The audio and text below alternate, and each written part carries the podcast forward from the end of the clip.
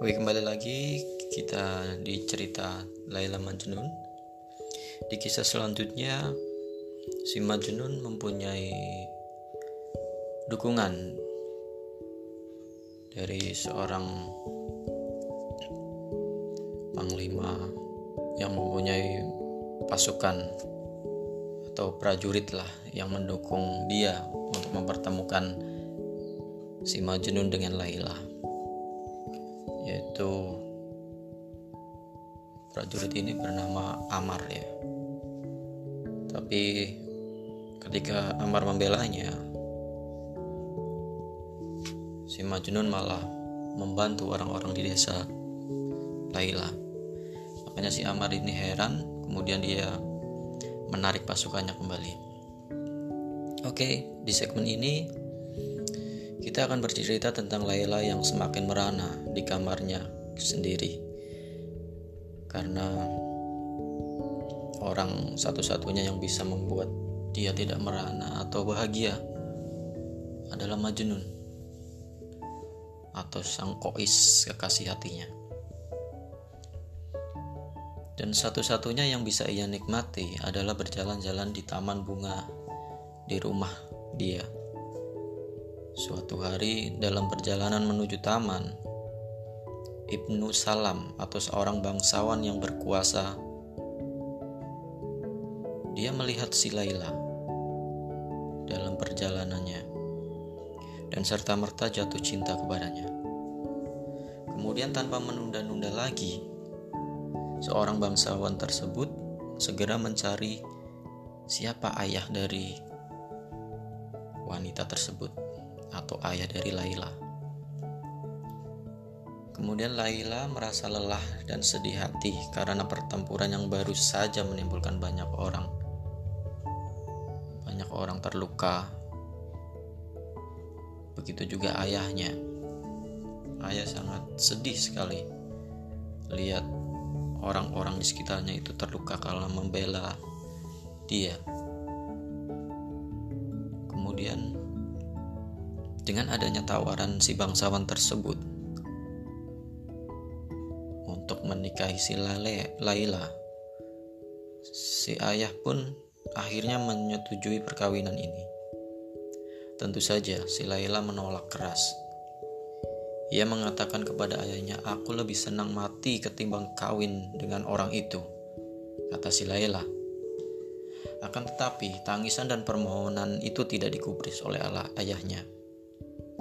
Lantas ia mendatangi ibunya. Tetapi sama saja keadaannya, perkawinan pun tetap berlangsung dalam waktu yang singkat. Orang tua Laila merasa lega bahwa seluruh cobaan berat akhirnya berakhir juga. Akan tetapi, Laila menegaskan kepada suaminya bahwa ia tidak pernah bisa mencintainya. Aku tidak akan pernah menjadi seorang istri kata si Laila. Karena itu, jangan membuang-buang waktumu. Carilah seorang istri yang lain. Aku yakin masih ada banyak wanita yang bisa membuatmu bahagia. Kata Laila. Sekalipun mendengar kata-kata dingin itu, sang bangsawan atau yang bernama Ibnu Salam ini percaya bahwa sesudah hidup bersamanya, beberapa waktu lamanya, pada akhirnya pasti akan menerima dia, si Laila tersebut. Untuk kali ini ia tidak mau memaksakan Laila, melainkan menunggu untuk datang kepadanya. Ketika kabar tentang perkawinan Laila terdengar oleh Majnun, ia menangis dan menatap selama berhari-hari. Ia pun melanturkan lagu-lagu yang demikian menyayat hati. Hatinya mengharu biru, sehingga semua orang mendengarnya pun ikut menangis. Derita dan kepedihannya begitu berat, sehingga binatang-binatang yang berkumpul di sekelilingnya pun ikut turut bersedih, dan mereka pun bernangis. Namun, kesedihan ini tak berlangsung lama Sebab tiba-tiba Majnun merasakan kedamaian dan ketenangan batin yang aneh. Seolah-olah tak terdengar apa pun yang ia tangisi tersebut. Perasaannya kepada Laila tidak berubah dan malah menjadi semakin lebih lagi dan lagi. Dengan penuh ketulusan, Majnun menyampaikan ucapan selamat kepada Laila atas perkawinannya tersebut. Dia berkata, "Semoga kalian berdua selalu berbahagia di dunia ini. Aku hanya meminta satu hal sebagai tanda cintamu. Janganlah engkau lupakan namaku, sekalipun engkau telah memilih orang lain sebagai pendampingmu. Janganlah pernah lupa bahwa ada seorang yang meskipun tubuhnya hancur berkeping-keping, hanya akan memanggil-manggil namamu Laila. Kemudian sebagai jawabannya, Laila mengirimkan sebuah anting-anting sebagai tanda pengabdian kalau di tradisinya itu sebagai pengabdian tradisi di sana. Dalam surat yang disertakannya, ia mengatakan, "Dalam hidupku, aku tidak bisa melupakanmu barang sesaat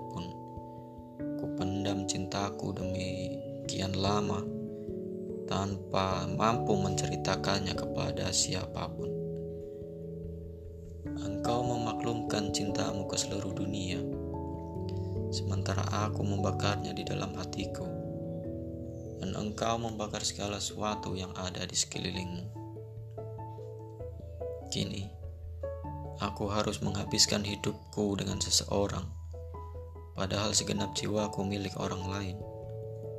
Katakanlah kepadaku, kasih, mana di antara kita yang lebih mabuk cinta, engkau atau aku? Kata si Laila. Tahun demi tahun berlalu, dan orang tua Majnun pun meninggal. Ia tetap tinggal di reruntuhan bangunan itu dan merasa lebih kesepian ketimbang sebelumnya. Di siang hari, ia mengarungi gurun Sahara bersama sahabat-sahabat binatangnya. Di malam hari, ia memainkan seruling dan melantunkan syair-syair kepada berbagai binatang buas yang kini menjadi satu-satunya pendengarnya. Ia menulis syair-syair untuk Laila dengan ranting di bawah tanah. Selang beberapa lama, karena terbiasa dengan cara hidup seperti ini, ia mencapai kedamaian dan ketenangan sedemikian rupa sehingga tak ada sesuatu pun yang sanggup mengusik dan mengganggunya. Sebaliknya, Laila tetap setia pada cintanya. Ibnu Salam tidak pernah berhasil mendekatinya. Kendati pun ia hidup bersama Laila, ia tetap jauh darinya. Berlian dan hadiah-hadiah mahal tak mampu membuat Laila, Laila berbalik kepadanya. Tak mampu untuk mencintainya.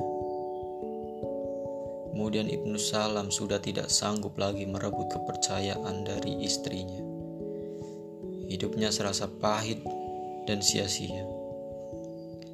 Ia tidak menemukan ketenangan dan kedamaian di rumahnya.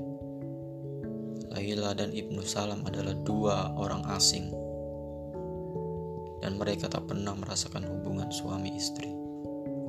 Malahan, ia tidak, bisa berbagi kabar tentang dunia luar dengan Laila. Tak sepatah kata pun pernah terdengar di bibir Laila, kecuali bila ia ditanya. Pertanyaan ini pun dijawab dengan sekedarnya saja dan sangat singkat.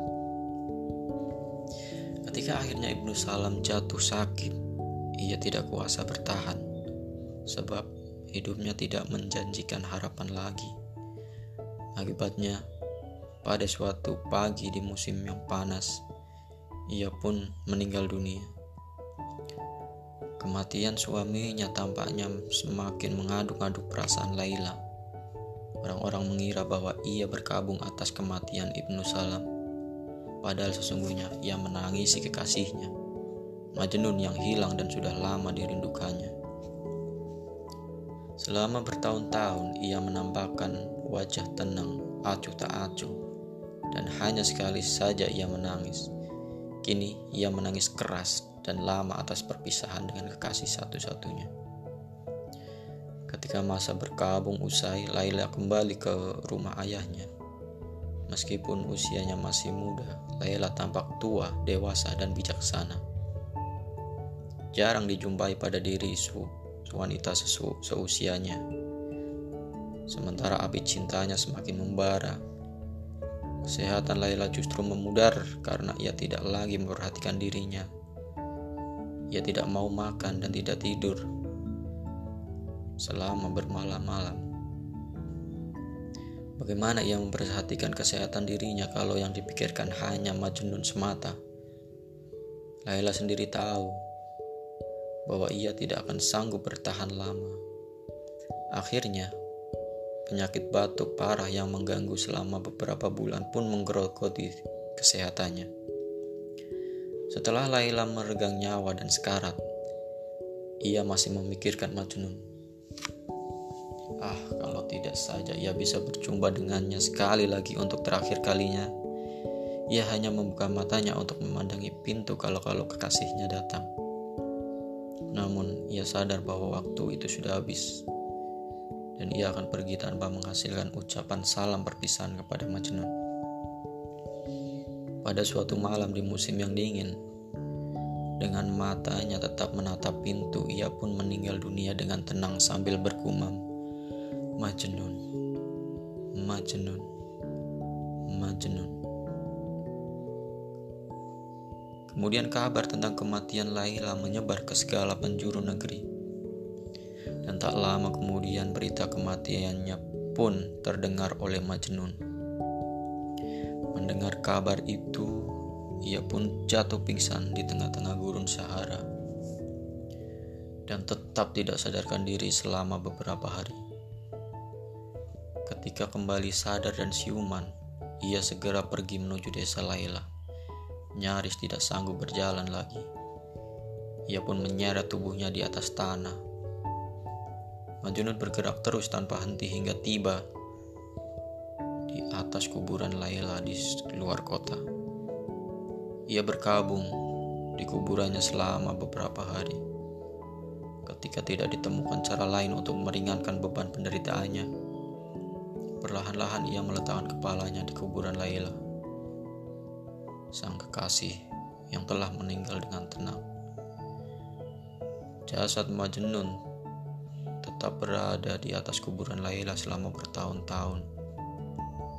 Belum sampai setahun peringatan kematian ketika segenap sahabat dan kerabat menziarahi kuburnya, mereka menemukan sesosok jasad terbujur di atas kuburan Laila. Beberapa teman sekolahnya mengenali dan mengetahui bahwa itu adalah jasad Majnun yang masih segar. Seolah baru kemarin mati, ia pun dikubur di samping Laila. Tubuh dua kekasih itu yang kini bersatu dalam keabadian, kini bersatu kembali. Konon tak lama sesudah itu, ada seorang sufi bermimpi melihat Majnun hadir di hadapan Tuhan. Allah Subhanahu wa taala membelai Majnun dengan penuh kasih sayang dan kedudukannya di sisinya. Lalu Tuhan pun berkata kepada Majnun, Tidakkah engkau malu memanggil-manggilku dengan nama Laila? Sesudah engkau meminum anggur cintaku. Sang Sufi pun bangun dengan keadaan gelisah. Jika Majnun diperlakukan dengan sangat baik dan penuh kasih oleh Allah Subhanahu wa taala. Ia pun bertanya-tanya lantas apa yang terjadi pada Laila yang malang. Begitu pikiran ini terlintas dalam benaknya, Allah pun mengilhamkan jawaban kepadanya. Kedudukan Laila jauh lebih tinggi sebab ia menyembunyikan segenap cintanya dalam dirinya sendiri.